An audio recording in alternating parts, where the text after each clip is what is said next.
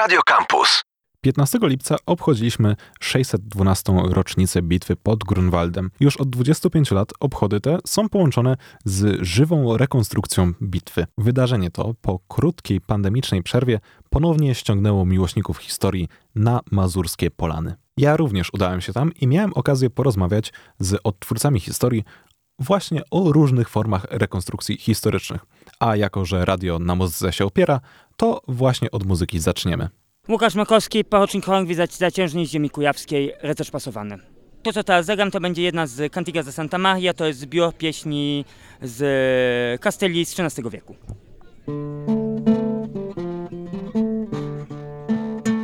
To, co mam za sobą, to na czym gram, to jest lutnia gitarowa. Ten kształt lutni został wymyślony w Niemczech na przełomie XIX i XX wieku.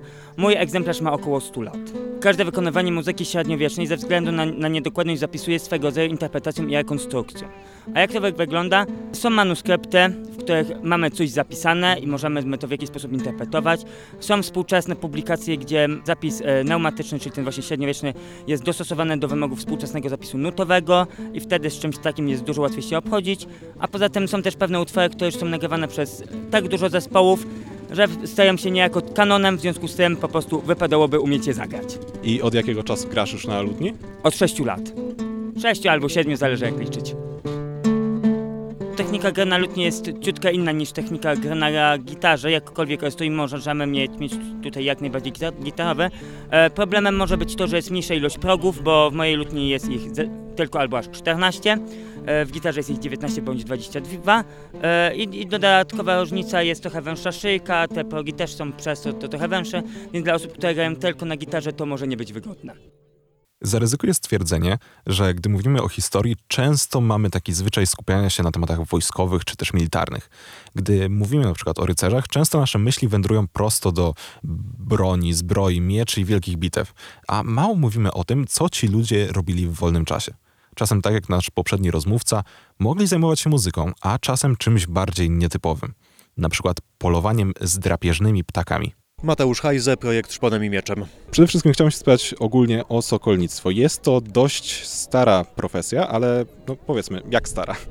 Tak dokładnie nie wiadomo, bo no na pewno już było 4000 lat przed naszą erą całkiem fajnie rozwinięte, ale czy 5000 lat przed naszą erą powstało, czy powstało 9000 lat przed naszą erą, bo tak datowane są najstarsze rysunki naskalne ludzi z ptakami na ręku, to nie wiadomo, a całkiem prawdopodobne, że zostało wynalezione kilka razy niezależnie od siebie, bo tak to już się dzieje, kiedy ludzie nie mają internetu. Ogólnie sokolnictwo definiujemy jako sztukę polowania z ptakami drapieżnymi i oczywiście układania ich do, do celów y, tego polowania. Ogólnie tam, gdzie to sokolnictwo powstało, czyli na stepach azjatyckich, na stepach Afryka, na półpustyniach afrykańskich, e, tam był to element sztuki przetrwania. Taki sokół czy jastrząb mógł polować kilka razy dziennie, no i za tylko kawałek niewielki e, oddany, oddany sobie oddawał całą zdobycz.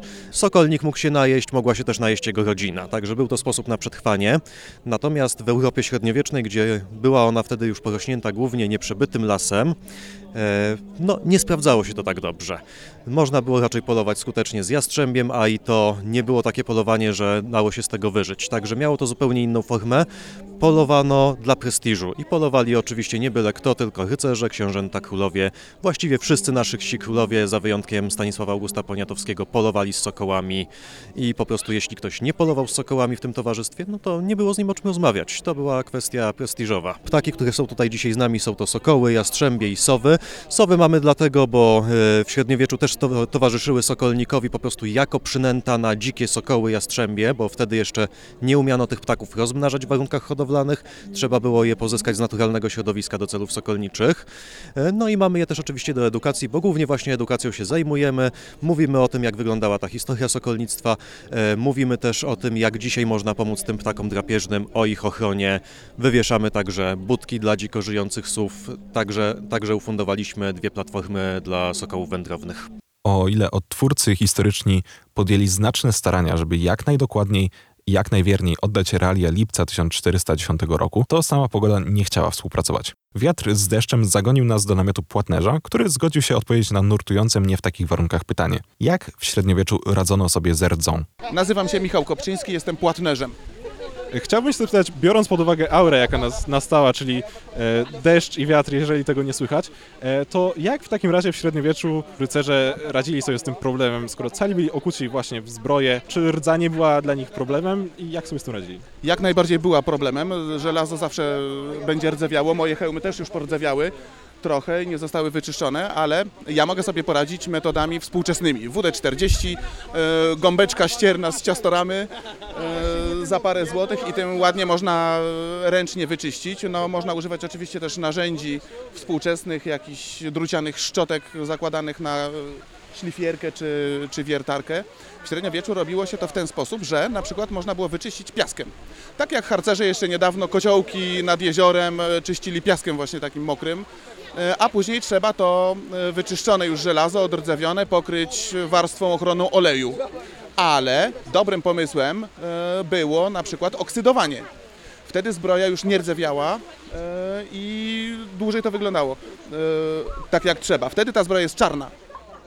Robi się to przez rozgrzanie do powiedzmy 350 stopni i pomalowanie albo wrzucenie do kociołka z woskiem albo z olejem lnianym i wtedy pokrywa się ta stal taką właśnie czarną, czarną tłustą warstwą. Korzystając z gościnności w namiocie, który mimo średniowiecznego stylu okazał się równie wodoszczelny co współczesne odpowiedniki, zadałem kolejne nurtujące mnie pytanie o to, jak w obecnych czasach zostaje się płatnerzem. Proszę pana, historia mojego płatnerstwa ma 20 lat. W 2002 roku pojechałem z ojcem wystawić e, w Półtusku e, stoisko z rzeźbami. Jako, że moja cała rodzina zajmowała się rzeźbą w drewnie i z tego żyliśmy. W 2002 roku była impreza właśnie w Półtusku, e, na której spotkałem się z drużyną e, chrobry z e, Gniezna. Zobaczyłem, jak oni mają porobione te swoje hełmy, miecze, toporki i wszelkiego rodzaju uzbrojenia ochronne. I za rok, po roku ćwiczenia, wystawiłem swoje pierwsze stoisko właśnie z takimi, e, z takimi rzeczami. Przed samym początkiem bitwy, gdy pogoda już się nieco uspokoiła, napotkałem wreszcie na swojej drodze rycerzy, którzy odziani już w zbroję szykowali się do wstąpienia na pole bitwy.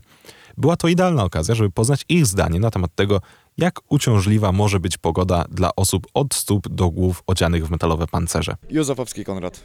I mam jedno pytanie. Czy w trakcie deszczu lepiej być w zbroi, czy jednak ten upał, jak te 600 lat temu, lepszy? E, Myślę, że lepiej jednak ulewa.